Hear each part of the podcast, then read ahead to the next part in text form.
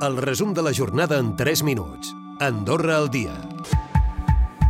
Creixen les problemàtiques de salut mental a causa de l'agreujament de la situació socioeconòmica del país. Ho reitera el nou president del Col·legi de Psicòlegs, que també recalca que cal invertir més en recursos per atendre els joves. Volen desplegar més accions de sensibilització i formació.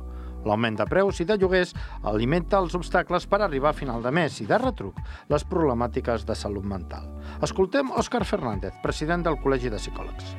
Realment, a dia d'avui no veig, no veig on està l'aturada ni tan sols la, la marxa enrere. I, I, per tant, el que sí veiem cada dia als psicòlegs és que això comporta i genera eh, més situacions d'ansietat, d'angoixa, de malestar, de problemes de somni, de, de son, perdó, de alimentaris inclús. Alerten que és important atendre pacients que tinguin dificultats per gestionar certs processos i malalties, com ara el càncer, i sobretot ampliar el ventall de recursos per joves. Pensem que hi ha moltes patologies que acaben sent ateses fora d'Andorra estem parlant, per exemple, de temes de, de trastorns alimentaris o de trastorns eh, addictius. Eh, bueno, pues segurament dedicar pressupost en, aquestes, en aquesta línia doncs, eh, ajudaria els joves de, del país.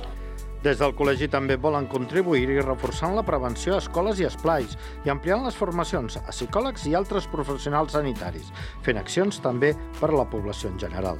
Molts reptes d'un nou equip que tot just comença a dibuixar-se. I en aquest sentit, el Col·legi de Psicòlegs compta amb més de 150 professionals, amb una mitjana de 10 incorporacions per any. Segons el nou president, que ja va encapçalar el col·legi del 2015 al 2021, hi ha una bona ràtio, tot i la necessitat de més recursos cap a col·lectius com els joves. La setmana passada es va reunir la nova Junta integrada per nou membres, més que en anteriors mandats. Escoltem el president del Col·legi de Psicòlegs i això sí que era com una, una condició a l'hora de poder repartir millor la feina. I tenim perfils des de neuropsicòlegs a psicòlegs de la salut, a psicòlegs de recursos humans, a gent que està exercint clínica privada, a gent que està en organismes públics. Per tant, sí, és una, és una junta molt diversa i que, per tant, creiem que ens permetrà doncs, mm, poder treballar en diferents àmbits alhora. Parlant de salut, Projecte Vida signa la declaració d'Oviedo, que porta per nom Iniciativa Global per la Prevenció de l'Ús de Drogues. Es converteix d'aquesta manera en la primera organització de la societat civil del país que forma part d'una declaració internacional. Una de les propostes del programa és la de sol·licitar als països que dediquin almenys el 25% de la seva estratègia i el seu pressupost de reducció de la demanda de drogues a la prevenció.